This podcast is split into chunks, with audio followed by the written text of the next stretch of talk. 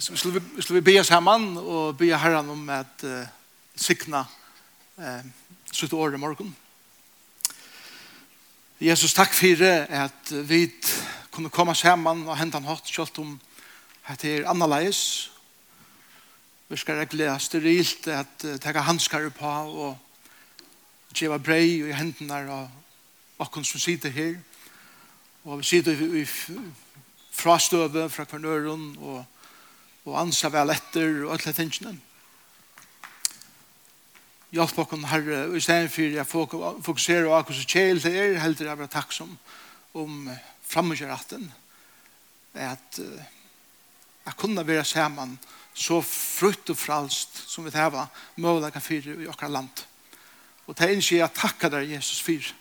Ikke jeg takkar deg for at vi bygger vi en land hver hette fralse enn er en verleidje. Like for okken. Og jeg ber herre for okkara brøren og systeren som eisen i morgen i fjerskotten London og kanskje ikke en gang så lengt borster nøyast er gøyma seg og fjæle seg og i øtta fire er at være handtidgen og bleka i fengehus eller hva det som skal være her. Vi sikna teg, okra brøver og okra syster uten navnet, systrar uten navnet og bygge om at du vil være ved heimann og i Jesu navn. Amen. Første fer er vær i Israel. Ta hei jeg stod fremme ratten at vi er oppe ved Genesarets vatten. Og vi kom her av kvalitet og får så til sångar og jeg gledde meg tullja morgen etter at suttja at det er vattnet som jeg har hørt hørt om alt mitt liv i sundagsskolan og, og æresennar. Og ta i er så vakna i morgenen og far ut at hitja så sa jeg alle fjøtlene rundt om dette fantastiske vattnet og jeg hukte nok så vutt ut i horisonten og hukte seg at Hatta man okkur seg sånn her må vera eitt av fjöllene som Jesus hei fjallatælene, eller fjallapredikunene. Og Og skromnet han der igjen, for tinga suttja vær så sælefjallet. Og vi køyra så eh, først norretter og, og vestersøyene av vattenen, og så kommer man av norresøyene og man dreier estretter. Og så køyra vi nian av en luttland bakka. Og Det var ikke, det var ikke hakri enn til dem som kører fra Mibun i havn, nyan av verre, eller noe sånt. Her er det. Og så søtte jeg, hette er Sælefjallet. Jeg også sier, Sælekvæt, fjallet.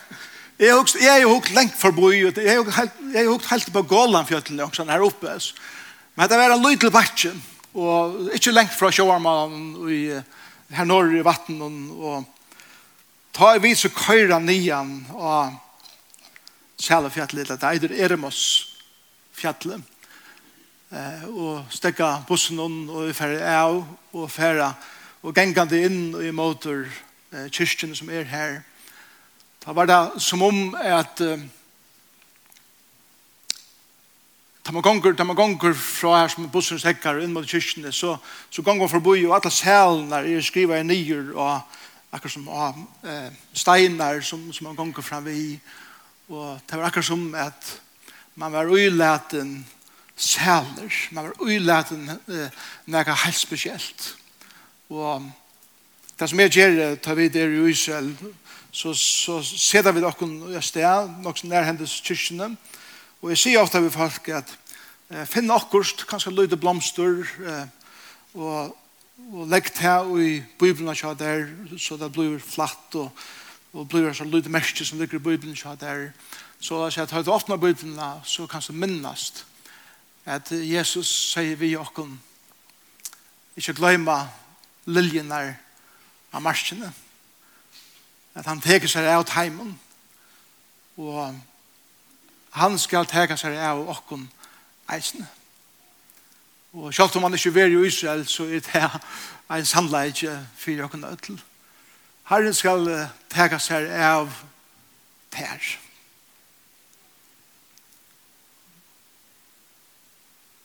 Lykke mykje hva det strøyes vi i løvnen.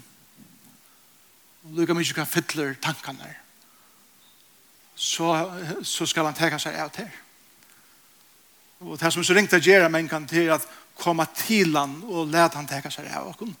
Det vil jeg som en engan teka løyvi i egna hender og løysa akkurat egna avbjørngar og så videre. Og fjallan er full av sånne oppmuntringen til, til okken. Og i vågne som vi taler i jøkken hessa og meddelige radikale talene på en måte så er vi deisende stekker av i disse støyene og minner kan nå at, at vi har en herre som ikke bare blir å fylgja seg her, men eisene som sier, som du gonger seg mer, skal jeg tega mer av der.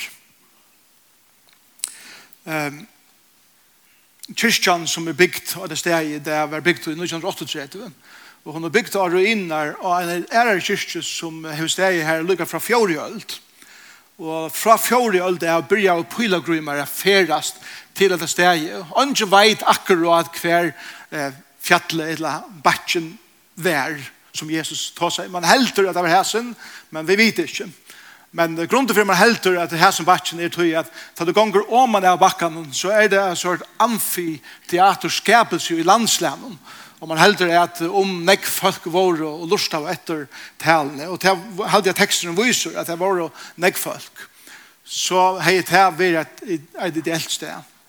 Og jeg vågne at vi kunne i hese røyene som vi får heva. Og det er flere taler her i hese røyene. Og i kjøkken fjallabrædikene. Vi får heva hese røyene, lukka til vi flyter inn i nødje lutene, og kanskje eisene inn i nødje lutene. Eh, vi, vi er ferie av bidjan, og vi er kommet så mye lengt nå, at vi, vi er vi er ferie inn, og om Herren kan slippe at eisene at nema vi så livande steinene. Så så tar vi fer inn og i dei steinene og i bygningen og så tager vi det liv vi og som er agent er at hun som, som la Jesus nærmast av hjertan ta han yngst jeg sia hva det betyr at genga eller at leva saman vi ser. Og vi vannet at av her som fjattelen eller av her som her bakken skulle vi oppleva Jesus atter atter at vi kom hon, hon nær. Og Og i samme økjen som fjallatellen var hilden, et at fjallet er, her hendte og andre ting. Det var her Jesus kattla i lærersvenner synder. Det var her eisene at Jesus metta i til 5.000, eller til 5.000 mennar og enn meir folk. Det var her som Peter var endurreister, at han, at han hei avnokte, at han kjente Jesus. Og her var det at Jesus eisene tala i fjallet til henne. Jeg husker meg, som i det har vi en inngang. Jeg får ikke inn i noen beinleis tekst i fjallatalen i det. til er færre vi det gjør. Og la meg si et annet leis. Vi er færre at dekka alle versene i talene. Og alle høvesevnene. Men vi får gjøre det tematisk. Det er ikke det samme som vi får gjøre det som imisk tema eller evner. Og Og jeg får ikke fylgja teksten kronologisk fra första verset och alla vägen till ändan av kända kapitlet. Vi, vi får hoppa sönder att fram och ta seg om tema som Jesus teker fram i hese fjallapredikerna. Och i det skal jeg akkurat som djeva de stora myndena og, och ingängen til disse her talna. Jeg husker meg att Lise noen vers 4 och i fjärde kapitlet, bare fyra akkurat som att heva eh, kontexten är av tog som, eh, som händer noen. Jesus er akkurat døpter. Han kommer opp på vatten og han fer ut i øyemørsene og blir frest av Og så leser vi i um, vers 16 og i fjorda kapitlet og i Matteus. Fra tarretøy får Jesus a prædika og sia vende vi til rydje himmelrydjes er komme nær. At det er en ligel og at skilja fjallatælene det er at rydde Guds er kommet nær, og Jesus lyser i fjalletalene hvordan det ser ut. Som han jo gikk ved vattnet i Galilea, sa han tvær brøver, Simon, som eller i kattlast, Peter og Andreas, bror hans, så det gatten i vattnet, tog tar våre fiskemenn. Han sier til Vittar, fylg mer, så skal jeg gjøre til til menneskefiskemenn. Vi tar sema for å fra gøtten og fyllt hånden. Ta han hene for langer, og så at hver ærer brøver, Jakob som Sibideus og Johannes, brøver hans herre, og i baten noen vi Sibideus er feiret herre, tar bøtt og gøtten. Og han kattler det her. Ta for tar vi det samme fra baten og feiret og fyllte, eller fyllte hånden. Jesus ferreist nu om alt Galilea, lærte i synagogen tarra, prædika evangelium rujusins og grødde kvarja sjuko og allsins veikleika tja fölkjennom.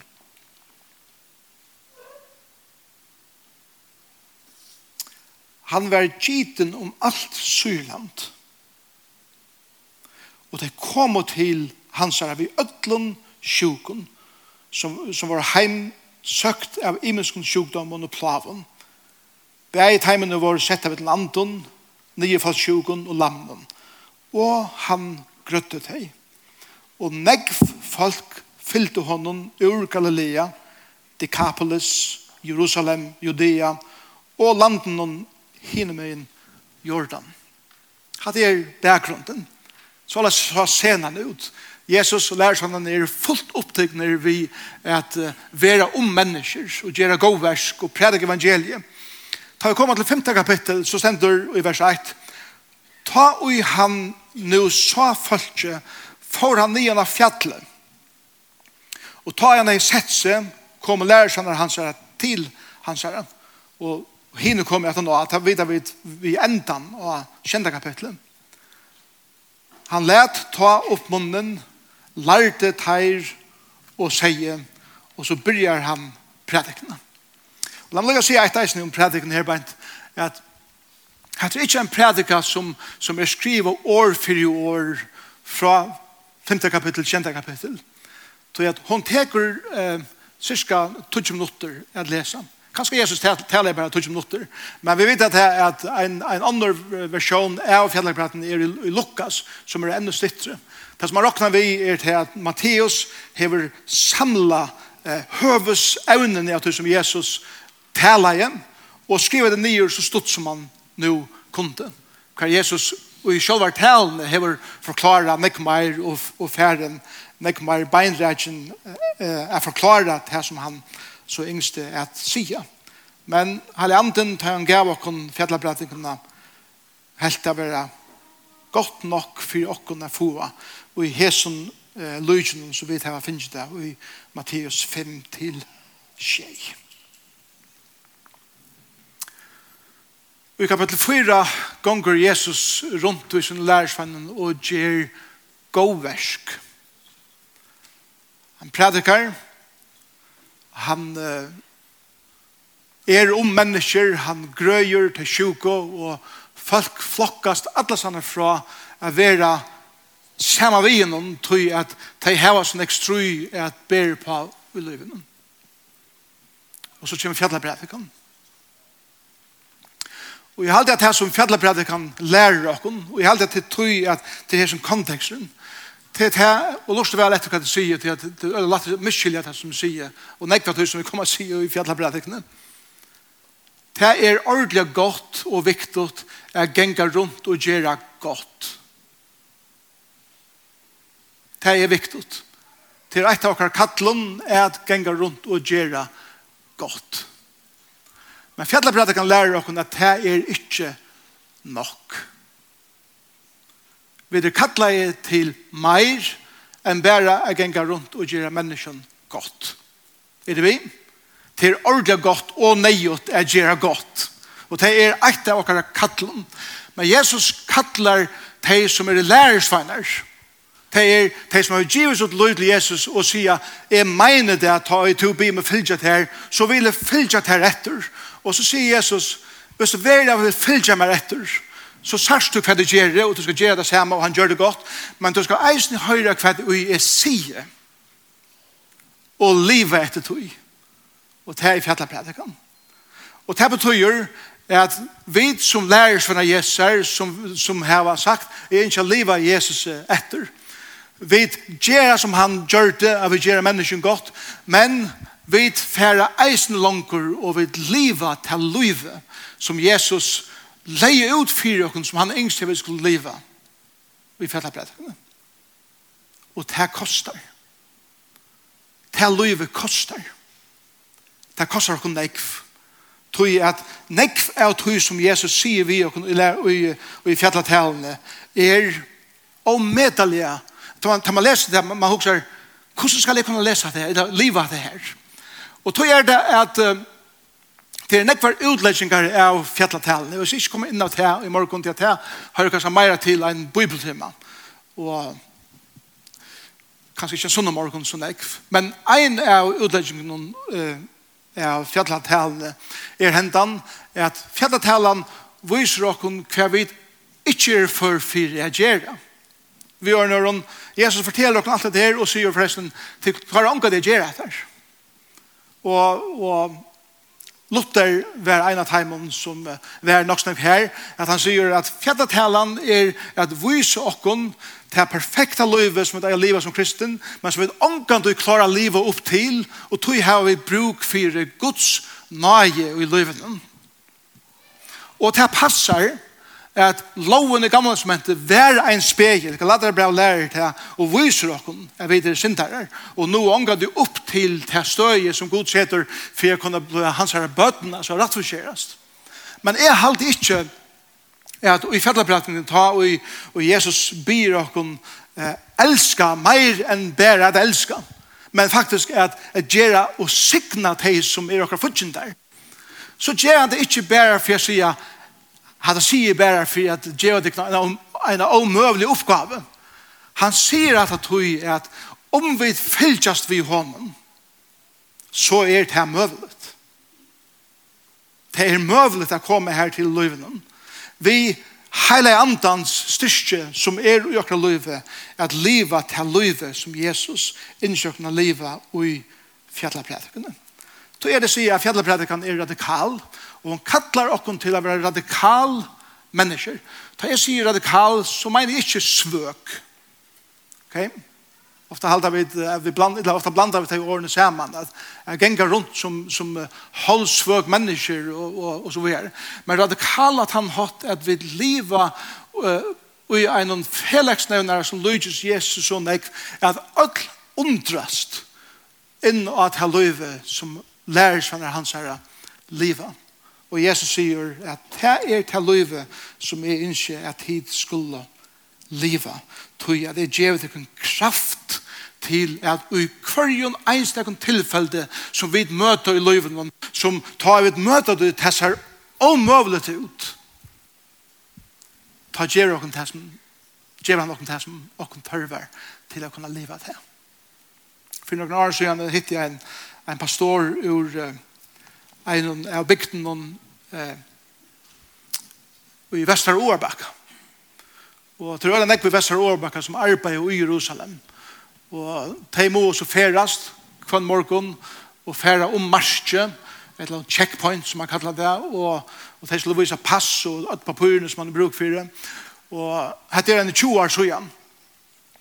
Og han, han fortalte, han var pastorer, men han arbeidde i, i Jerusalem og i en handel. Og Og han fortalte at Israelskjer hermen gjør det det så trobult som møvlig til araberne kom inn i Jerusalem.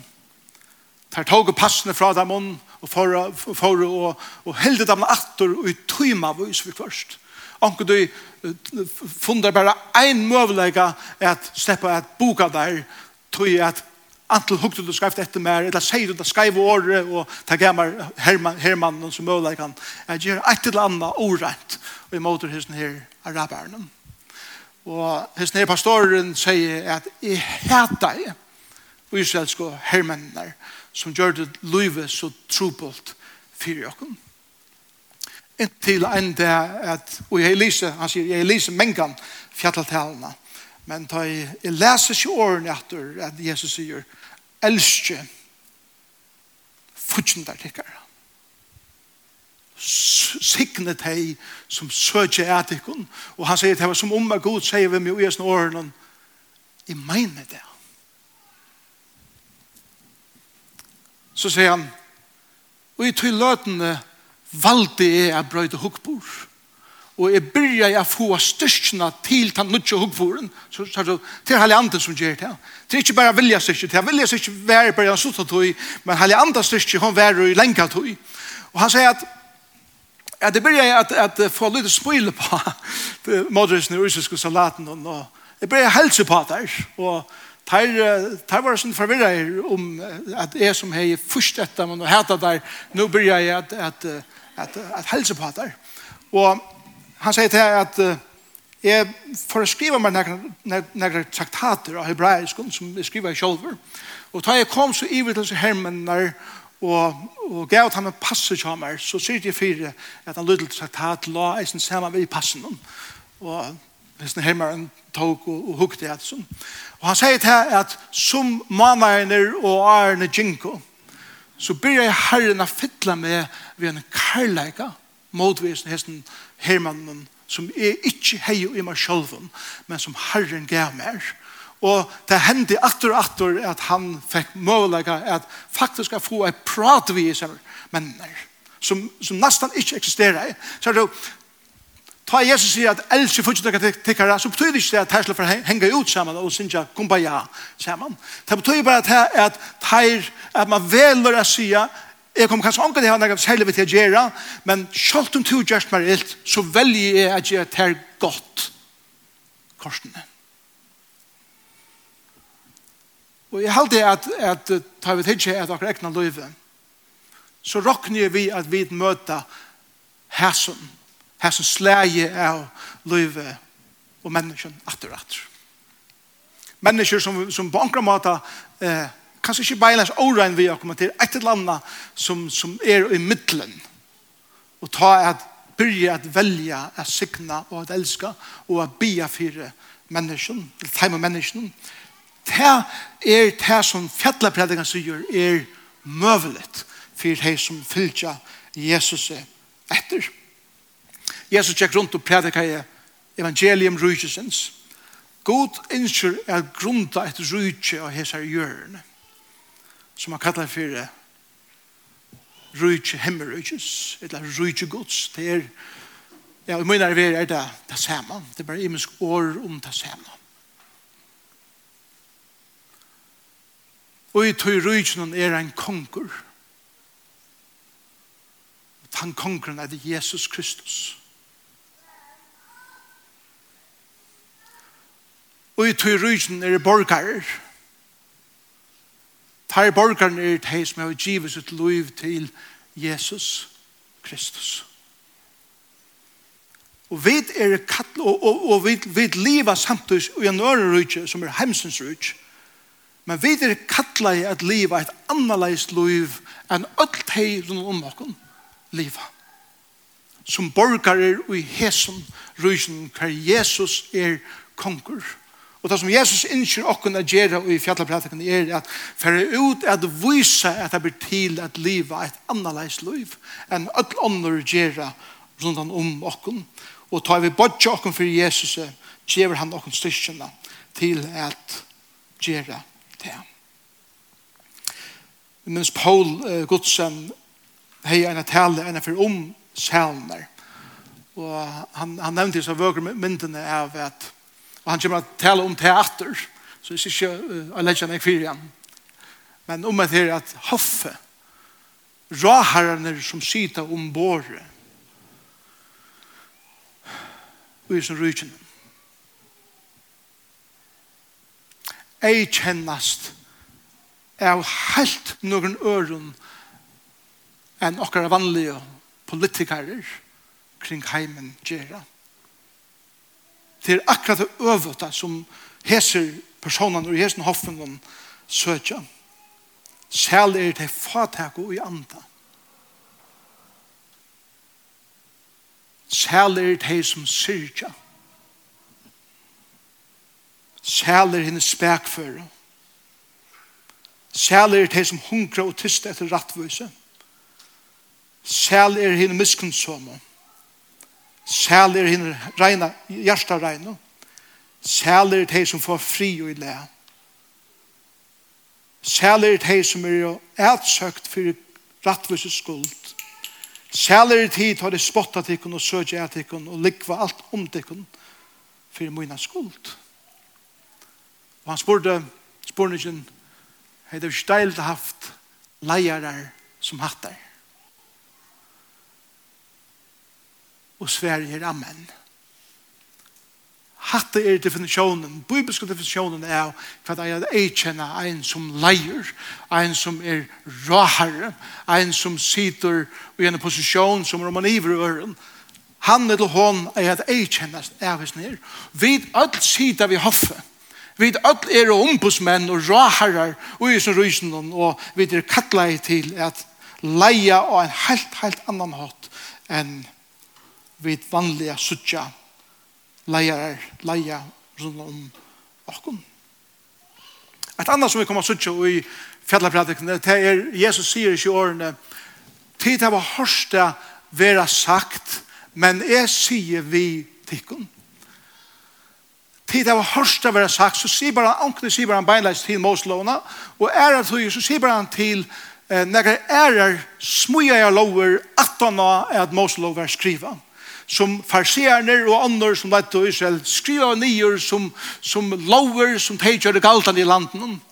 Og Jesus sier til det hørste vil ha sagt men jeg sier til henne, det er som at Jesus skruar alt opp at til at alt vil bli så, så, så utvattnet. Og jeg hadde vidt av bruk for Atter og attor er koma her til løyven i tjokken sjolvun. Bæg som sagt koma meisen av har tidsja inn i løyven i tjokken sjolvun, er at vi da hørst det være sagt, og vi halta, og vi oppføring på imenska måter, tog at så er det alltid vært last i okra men hva er det som Jesus vil sier? Og det er akkurat som han lytter standarden opp til en nekv hakker felagsnevnere som vi eier er fylltja etter. Han tar om det gamla som er færre, og om det nudja som du kommer. Han tar om det utvarste som vi mänga, som mängan hitje etter, men fer etter tog som er invarsles som vi så sjöldan suttja og jeg har egna tanken og så vi er. Jesus talar hese talene og han kommer til endan av hese talene så stender i vers 28 og 29 i Matteus 6 så leis. Ta og Jesus ver liver at tala hese år. Ver falskje er han lærer hans herre. Til han lærte det som ein og i vald heie og ikkje som hinner skriftlærte derra. Jeg har en, jeg har en teori om uh, lærersender. Jeg vet ikke om det er rødt, men jeg husker så om lærersender. Ein av framgjøratten tja en ungen hebraisk dronje var jeg slipper fylgjøs vi en rabbinare. En rabbinare var en velærd med som hei sånne lærersvenner som fylgte atten av honom og i djøkken til, så finner det seg et navn, og da finner en nødja inntøke, som de kunne sykje for familiene, og så videre. Heser, lærersvannet som Jesus kallar, var fiskemenn. Det var fiskemenn var, var hardt arbeid, som det enn er i det, om bare nekken skipen. Og tar stande her, og tar hava fiska alla nottena, tar ikke sove, og tar rensa gøttene for alla denne deia fisken, og, og alt det som skal rensas ur, og tar er og deia trøytter lukter av, av ötlun fisken og ötlun sånne her. Og tar hoksa bare, skal jeg bruke resten av min liv på her? Og nå kommer Jesus, nå kommer rabbiner og kattler der. Så tog vi lese i, i, i teksten at vi tar samme for derfra baden og fyllde Jesus etter. Så det som, yes, endelig får jeg nødvendig hans, jeg gjør han nekk beter og nekk interessantere og så videre. Men lyte visste det her. Hva er det la for fremme? Til verre, så vil evangeliet vi først prædika så leis, at om du kommer til Jesus, så får løyve til deg at det være godt, og du får spære at det var framgångt, og alt for å blomstre om det, og en og hver som vil heva til, sier, Fint, så vil jeg som gjerne fylles ved Jesus. Inntil vi kommer inn i forhold ved Jesus, og det er ikke hender. Og det som hendte i livet noen, tja, ötlen, det er mange timer som fylles ved Jesus, var det at de rymte fra han natter. Men de som søtte, vi vilja være lærersvenner, fylte honom alle veien. Og jeg hadde en, en, en kapittel, som, eller en tala som er i kapittel 5 til 6 i Matteus, kan gjøre det samme i okken som vi gjør det i folkene som har hørt Da Jesus var livet at hele i år, var folk ikke offherre av lærer her. At året offherre er et neutralt år som bare kan være positivt og negativt. Til reaksjonen kan ikke være Hatta er lengt ute som du byr okken gjerra og som du byr okken liva. Hatta vil levet anki av vi gjerra og ta forsen ekne lei. Og annars sier, hatta var hatta var nekka guddomlet som i ångan i hørs for, og hatt av vil er fylltja. Og jeg tykker at, ikke bare i hese samkommende, men en, altså, hver som helst som hendan talan, vil tala, og vi færa bant inn i teksten, vil hatta hatt samme reaksjonen som vi færa få eh, her. Det er som taler som man huksar, wow, skal jeg fylkja etter hæsson? Er det her møvlet? Og er at heller vera, oh wow, hatt er attraktivt. Hatt, hatt er drevet med. Og jeg tykker hatt er en reaksjon som vi færre at heva. En av vi gjenko fra Sjælefjallen og Åman til uh, Tagba, eitur stronten her nere, her som Jesus metta i 5000 menn. Man kan genka fra Sjælefjallen og Åman, det er en gøta som man gonger etter. Og her veksa eh, at det møte bei Dattle Palmar og Washington Palmar og, og Åndertsø. Så kommer vi til et tre. Et pikkeludet tre. Det er mer runder. Og det er en tørna runder. Det er samme treje som tørna krona som ble trøst om man har hørt Jesus her vær flatta saman på sjur. Og vi sett okkom vid tett seg og løte. Og jeg også over meg selv som jeg sett her kanskje være okkur sluktande tre og ha fjallasøyene eller trø av fjallasøyene som uh, høyde tørna uh, rundar. Disse plantene, disse, disse her greinene som vokser på sjur, vi er sånne her pykene på sjur. Og jeg også jeg hulet om dette, kan det være at Jesus sitter her i byrjan av sin tjeneste, kanskje nær hendet seg en tørnarene, og tåsar om hese evnene som han tåsar om i fjallet så huksar han kanskje eisen av tanken at hatta skal jeg bæra enn det. Og han hikker sin lærer for han sier, det kommer å kosta, eller han huksar, det kommer å kosta tikkun at fylja mer etter atla veien ut av Golgata. Men Jesus gav taimann styrstje, sti fyrir sti er genge hæsa leina. Og min bøn er at Herren skal djeva okkon styrke er genga hæsa leina. Som jeg endte, la meg djeva det kun bæra negra av hei, nøkra av heiten av talon som vi færa at heva og jøkken seg her røyna. Jeg skal bare dreie negra bors ur eh, rikven her beint. Hver jo årin heva vit er ein tala. Og til talan om salt og lus.